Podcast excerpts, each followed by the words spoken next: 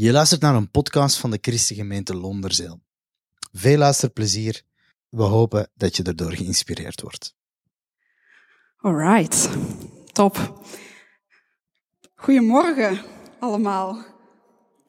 Vandaag mag ik spreken over de persoon van Jezus. En binnen het thema het Koninkrijk van God is dat natuurlijk niet zo raar. Want um, Jezus die heeft alles te maken met het Koninkrijk. In feite, hij spreekt er constant over um, in de evangelie. Jullie zijn in september gestart met het thema, het Koninkrijk van God. We zijn nu um, drie, vier maanden verder en ik ben eigenlijk benieuwd, als ik u nu vraag, wat is het Koninkrijk van God? Heb je daar nu al een antwoord op? Zo'n definitie, zo het Koninkrijk van God is... Oké, het is nog stil. Dat is goed. Inderdaad, inderdaad, ik hoor wat dingen uit de zaal. Nu, het is niet zo raar dat we niet meteen kunnen zeggen, het Koninkrijk van God is... Um, um, het Koninkrijk van God, wat is het? Het is niet zo gek dat we dat niet zo duidelijk kunnen zeggen. Want Jezus zegt er zelf iets over. Hij zegt namelijk, jullie mogen de geheimen van het koninkrijk van God begrijpen, maar de mensen die er niet bij horen, krijgen alleen verhalen te horen. En dan heb je die verhaal over de pompoenen van Ferry en de grond waar gezaaid wordt en het kaf dat opkomt en het koren. En dan denk je, we spreken al maanden over het koninkrijk, maar wat is dat nu eigenlijk? Wat hebben al die verhalen te maken met het koninkrijk van God?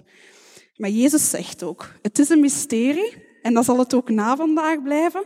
Maar ik hoop toch dat we iets uh, meer ervan gaan kunnen pakken. Want ik vind deze tekst ook een uitnodiging. Hè? Als wij bij het koninkrijk horen, dan zegt Jezus, jullie mogen de geheimen van het koninkrijk snappen. Dus ik hoop dat dat vanmorgen ook um, gaat gebeuren. Dat we een helderder zicht krijgen op wat dat koninkrijk nu precies is. Nu, slecht nieuws. Er staat geen definitie van het koninkrijk van God in de Bijbel. Maar Jezus komt wel heel vaak heel dicht in de buurt. En persoonlijk vind ik wat het meeste in de buurt komt, deze tekst. Matthäus 6, vers 10, daar is Jezus zijn leerlingen aan het leren bidden. En hij zegt, onze Vader. En dan doet hij een heel gebed. En dan ergens naar het einde toe staat, laat uw koninkrijk komen. Laat uw wil geschieden op aarde zoals in de hemel. Wat daar eigenlijk gebeurt, is dat de tweede zin de eerste zin uitlegt. Voor mensen die dat gestudeerd hebben, is dat blijkbaar heel logisch. Ik kwam daarachter tijdens de voorbereidingen van deze boodschap. Maar er staat, laat uw wil geschieden op aarde zoals in de hemel. Dat is wat het betekent. Het koninkrijk van God is daar waar de wil van God gebeurt. In het Grieks dat is de oorspronkelijke taal waarin deze tekst opgeschreven werd. Daar wordt het koninkrijk van God Basilea genoemd. En wij vertalen dat dan in het Nederlands als het koninkrijk van God. Maar eigenlijk is Basilea de heerschappij over een koninkrijk. En dus gaat het niet om dat koninkrijk op zich, want we hebben, waar is dat koninkrijk dan? Is dat dan in mij of is dat ergens? Het gaat niet om waar het is, het gaat erom dat het de heerschappij van de koning is. En die heerschappij, die wordt belichaamd in Jezus. De doorbraak van Gods wil op aarde. Dat is wat het koninkrijk van God inhoudt. Overal waar Gods wil, waar Gods heerschappij doorbreekt, daar zien we een glimp van het koninkrijk. Dus als volgende week er een spreker komt en die zegt, weten jullie al wat het koninkrijk van God is? Dan zeggen jullie ja, daar waar Jezus heerst, daar waar Gods wil gedaan wordt. En ik hoop echt dat je dat kunt vastpakken, want het koninkrijk is daar waar Jezus regeert, daar waar Gods wil gebeurt. Persoonlijk, ik las die tekst in, in Matthäus vaak als, laat uw koninkrijk komen en help ons om flink te zijn. Om te doen hier op aarde zoals het in de hemel hoort te zijn. Maar dat is helemaal niet wat daar staat. Het gaat om een doorbraak van Gods wil, waar wij eigenlijk vrij weinig mee te maken hebben, als ik het zo mag zeggen. Het is echt God die doorbreekt op deze aarde. Maar ja, als je rond u kijkt, op deze wereld, is dat niet altijd zo. Dat heb je vast al in uw eigen leven gemerkt, in het leven van de mensen rondom u. En dat terwijl Gods wil heelheid is, shalom, weten jullie nog, vrede. Zijn wil is genezing. Zijn wil is relaties die vreugde en voldoening geven. Zijn wil is gerechtigheid. Waarom zien we daar dan zo weinig van? Waarom? We zitten midden in de adventsperiode. Corrie, prachtig wat je deelde net. Die vrede van God die alle verstand te boven gaat. We zitten midden in de adventsperiode en dat gaat helemaal over deze vraag. Want 2000 jaar geleden is baby Jezus naar deze wereld gekomen. Dat weten we en dat vieren we. En op dat moment heeft God voor een ongelofelijke doorbraak gezorgd in de geschiedenis. Want de hemel kwam naar de aarde. Dat is een, een doorbraak. Als het gaat over Gods wil die geschiet op aarde, hij heeft de, de hemel letterlijk naar de aarde gebracht. Dus dat is een gigantische doorbraak. En dus kunnen we zeggen, die heerschappij van Jezus is er al op deze wereld. Maar toch is er ook nog niet.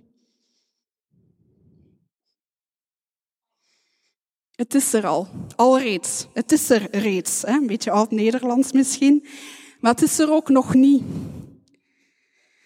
En wat bedoel ik daarop? We wachten en het is er al. Jezus is al reeds naar deze wereld gekomen. Maar hij is ook nog niet gekomen, want hij komt nog een keer. Dus wat bedoel ik dan? De heerschappij van Jezus, die is er al. En dat zien we op heel veel plaatsen in de Bijbel. En ik hoop ook in jullie persoonlijk leven. In elk geval wel in het leven van de kerk. Als jij een kind van God bent, dan is het feit dat je Jezus bent gaan volgen een teken van de heerschappij van Jezus die hier en nu aanwezig is. Want zonder de heerschappij van Jezus zou je hem niet volgen. Toch?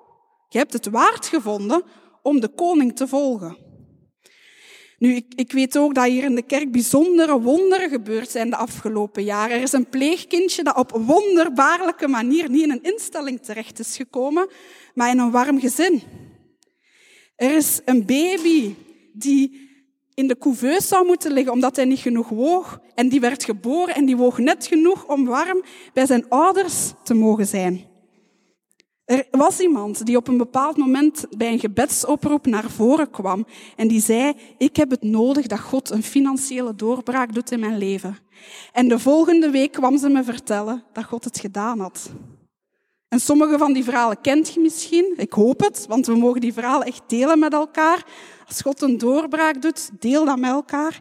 Sommige misschien niet, maar het zijn allemaal verhalen die hier gebeurd zijn. Het leven van jullie als kerk zit barstensvol verhalen van God die wonderbaarlijk ingrijpt. Verhalen waarin echt duidelijk wordt dat die heerschappij van Jezus doorbreekt op aarde. En dat zien we ook in de Bijbel. Dat zal jullie niet verbazen. Um, ik heb um, twee teksten uitgekozen, maar ik had er gerust um, tien kunnen uitkiezen. Ja. Bijvoorbeeld in Lucas 1, vers. Het is Lucas 11 trouwens, vers 20, typfoutje. Daar staat. Maar als ik dankzij een kracht die van God komt demonen uitdrijf, dan is het koninkrijk van God bij jullie gekomen. Nu weet ik niet of je al eens aanwezig bent geweest op een plek waar een demon werd uitgedreven. Dat is misschien ook niet iets om hier van voor op podium te doen, mijn bescheiden mening. Maar het gebeurt wel. En elke keer als dat gebeurt, dan is dat het koninkrijk van God dat doorbreekt. En een hoofdstuk eerder in Lucas, dan gaat het niet over het uitdrijven van demonen, maar over het, het doorbreken van genezing. En dan zegt Jezus opnieuw, als genezing doorbreekt, dan is het koninkrijk van God bij jullie. Dus elke keer als iemand van ons ziek was en geneest, Dan is het koninkrijk van God hier. Ieder, elke keer als iemand in gebondenheid zat, of dat nu door een demon is of door een verslaving of wat dan ook, en die wordt bevrijd, dan is dat koninkrijk van God dat doorbreekt hier en nu, vandaag in ons midden.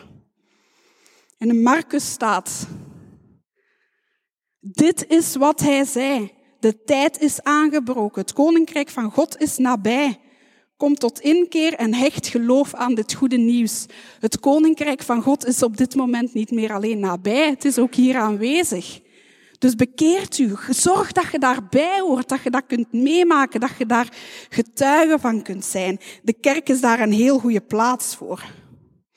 De Bijbel zegt het koninkrijk van God is hier. Doet er iets mee. Als je gelooft dat het koninkrijk van God hier is, kunt je niet gewoon op je stoel blijven zitten.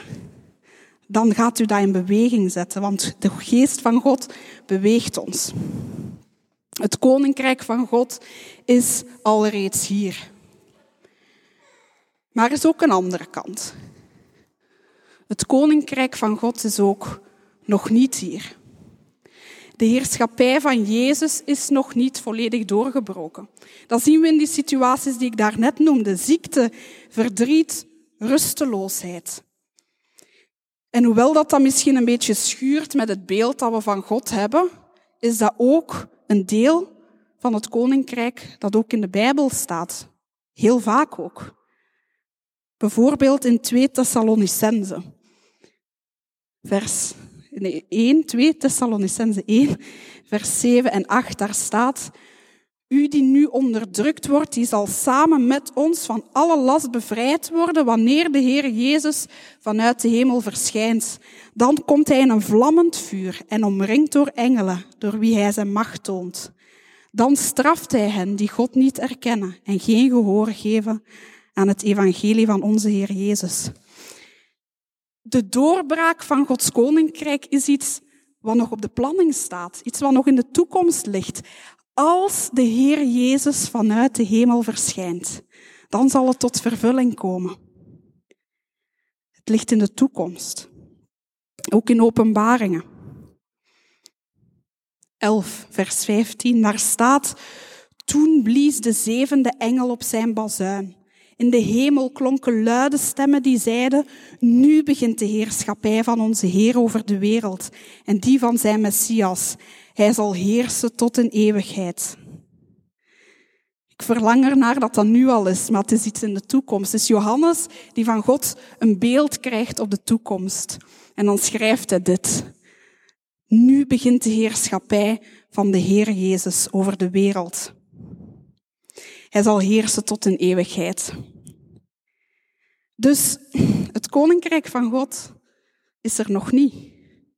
Maar net was het er al wel. Ik bedoel, hoe kan dit? Jezus zegt, het koninkrijk van God is een mysterie. Wel, blijkbaar. En um, ik weet niet of je dat dan herkent, maar ik heb dan zoiets van, ja maar God, wat is het nu? Is het nu vandaag of is het morgen? Is het, is het hier nu al of moet het nog komen? En het antwoord is ja en ja. Het is er al en het is er nog niet. En daarvoor dient Advent. Om te vieren wat er al reeds is en om uit te zien naar wat nog moet komen.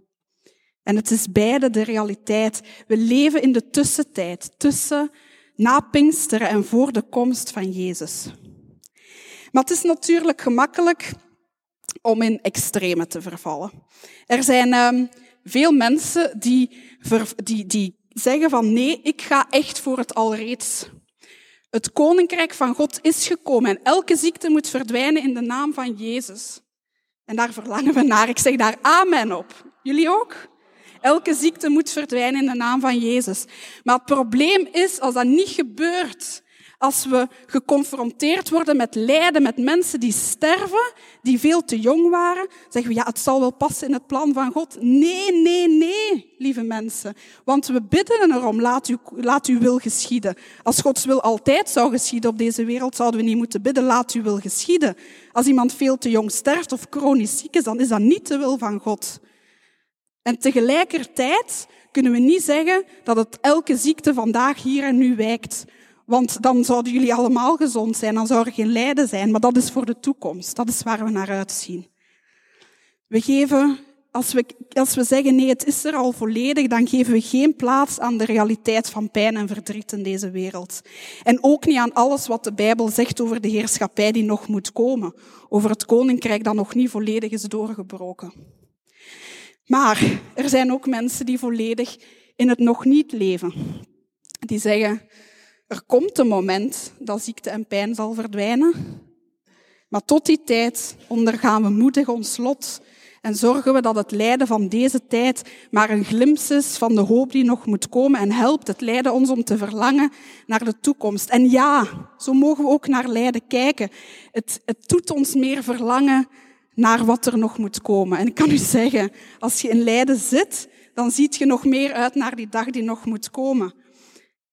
Maar het is ook te weinig, want als het evangelie enkel goed nieuws is voor de toekomst, wat is er dan vandaag aan? Dan wachten we vandaag alleen maar tot we sterven.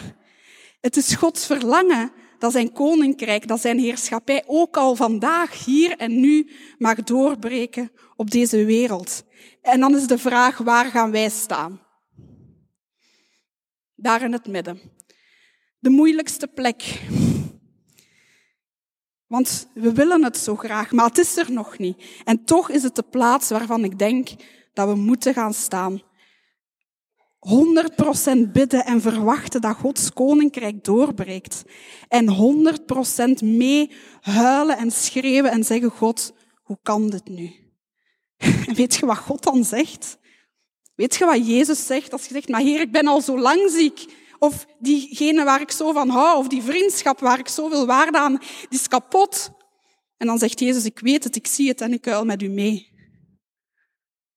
Het is niet een test, alsof God ons moet testen op deze wereld, alsof hij zegt, ik zal u eens beproeven en zien of je deze test goed doorstaat. Nee, het is Gods wil, vrede en heelheid en genezing en herstel. Maar op deze wereld, jammer genoeg, breekt de wil van God niet altijd door, omdat hij nog moet terugkomen. De oorlog is al gewonnen. Zoals ooit de Tweede Wereldoorlog. Die was al gewonnen bij de slag op Normandië. Ik ken er niks van, maar ik las het ergens. De oorlog was al gewonnen in Normandië, maar de soldaten hebben nog een jaar lang moeten vechten. En ze wisten wel, de oorlog is al gewonnen, maar elke dag vielen er doden en gewonden. En ze moesten nog een jaar door. En toen pas was de oorlog echt gedaan. Hij was al gewonnen, maar hij was nog niet gedaan. En in die tijd leven wij nu. De strijd is al gewonnen. Gods koninkrijk gaat doorbreken. Wees maar zeker. En we zijn er niet op voorbereid. Maar we strijden nog. De strijd is behaald, maar de strijd gaat wel nog verder.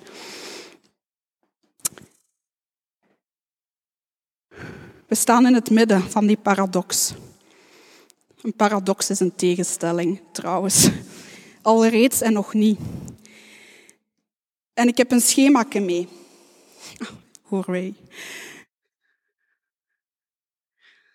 Twee lijnen die ooit één waren. In de Hof van Eden was er niet de wereld en de hemel, maar door de zonde zijn er twee gekomen.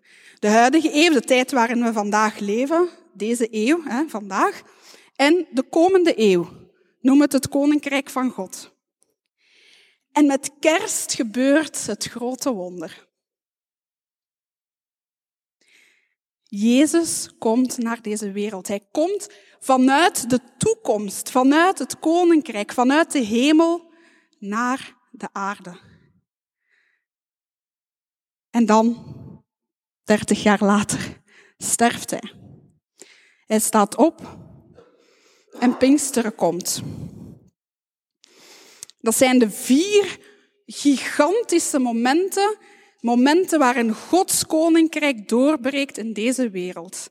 En sindsdien gebeurt het constant.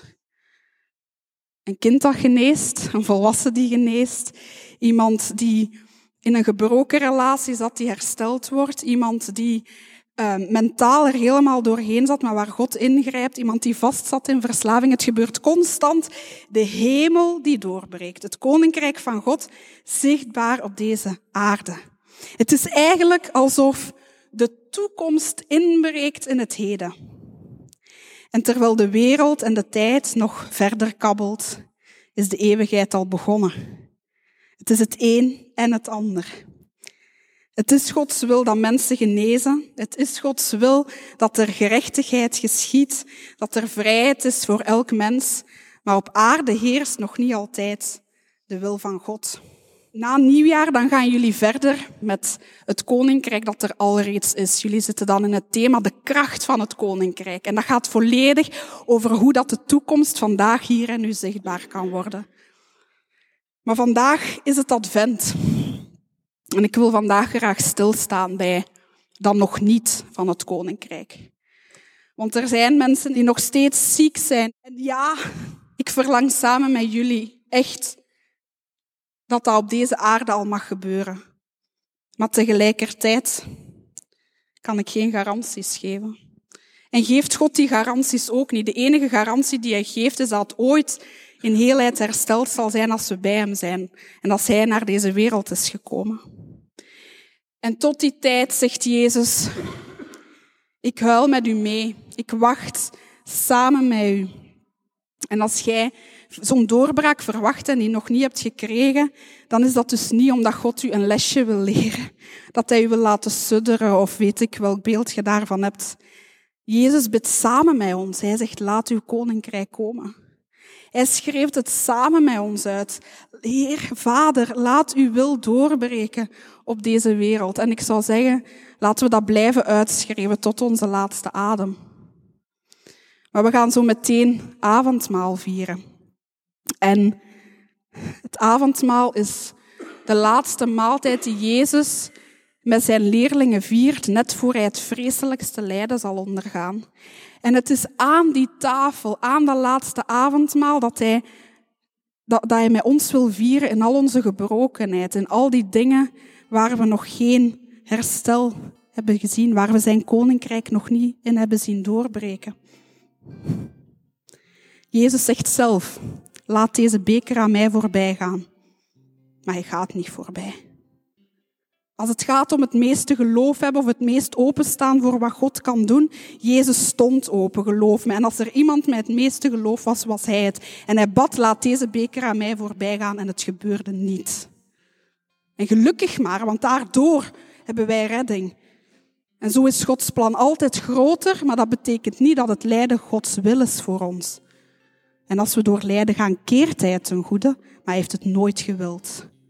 Sommige mensen denken dat al het lijden dat ons overkomt eerst voorbij het bureau van de Heere God gaat en dat hij zijn stempel geeft, approved. Ik denk dat je het verhaal van Job dan iets te letterlijk neemt. Gods wil is heelheid en herstel.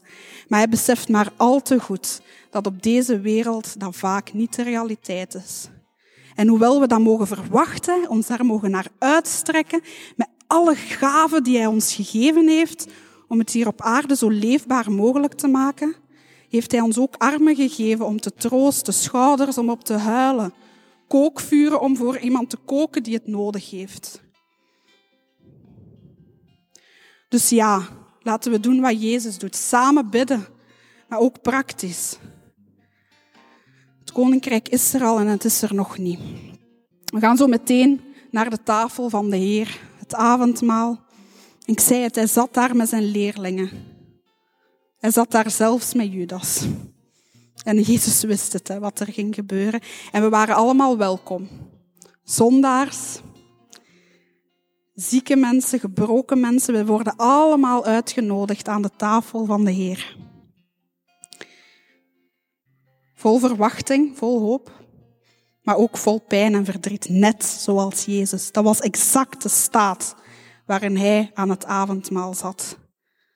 Hij wist dat God het kon wegnemen, maar hij wist ook dat de kans zeer klein was dat God het zou wegnemen. En zo mogen we zo meteen naar het avondmaal gaan. Vol verwachting en vol steun van elkaar. God is goed, ook als je ziek blijft. God is goed, ook als mensen rondom ons sterven. God is goed, ook als relaties kapot gaan. God blijft goed En Gods goedheid hangt niet af van de momenten dat zijn koninkrijk wel of niet doorbreekt. Maar weet wel, weet wel dat dat zijn verlangen is. Dat hij met ons meehuilt. En ik denk dat hij zit te popelen tot hij mag terugkomen. Die tijd kent niemand. We zullen hem vast uitvragen als we bij hem zijn. Maar we wachten, we wachten samen. En ik wil bidden voor jullie. Misschien is het gewoon je ogen te sluiten. Misschien denkt je al heel het preek aan dat ene ding in je leven waarvan je zegt, ja God, ik verwacht een doorbraak en u kan het toch, Heer? En u wilt het toch, Heer? Hoe vaak zeg ik niet tegen God? Dan zit ik op mijn bed en heb ik vreselijke pijn en dan zeg ik, maar Heer, u wilt het en u kan het, maar u doet het niet. En zo lang heb ik gedacht dat daar een oorzaak van moest zijn. En de enige oorzaak is dat op deze aarde Gods wil nog niet ten volle geschieden. Maar in de toekomst wel, daar zien we naar uit. En ik wil bidden voor jullie. Heer, u kan het en u wil het. En toch is het nog niet gebeurd. En ik wil bidden, Heer, dat het mag gebeuren. Maar ik wil ook bidden dat we u heel dichtbij mogen laten, ook in de tussentijd. Heer, u bent voor ons, u bent met ons. En of er iets gebeurt of niet, heeft daar niets mee te maken. Heer, u bent goed en dat wil ik uitspreken. God is goed voor jullie. Jezus huilt met u in die situaties. En hij ziet net met evenveel verwachting waarschijnlijk met nog meer verwachting uit naar de dag dat in uw leven, in uw situatie, de heerschappij van Jezus mag doorbreken. Heere God, kom. Kom, Heer Jezus, kom. In ons lijden. Maar kom ook, Heer. We zien uit, we vieren Advent, we zien uit naar de dag dat u terugkomt, Heer. En we bidden u, Verlos ons, Heer.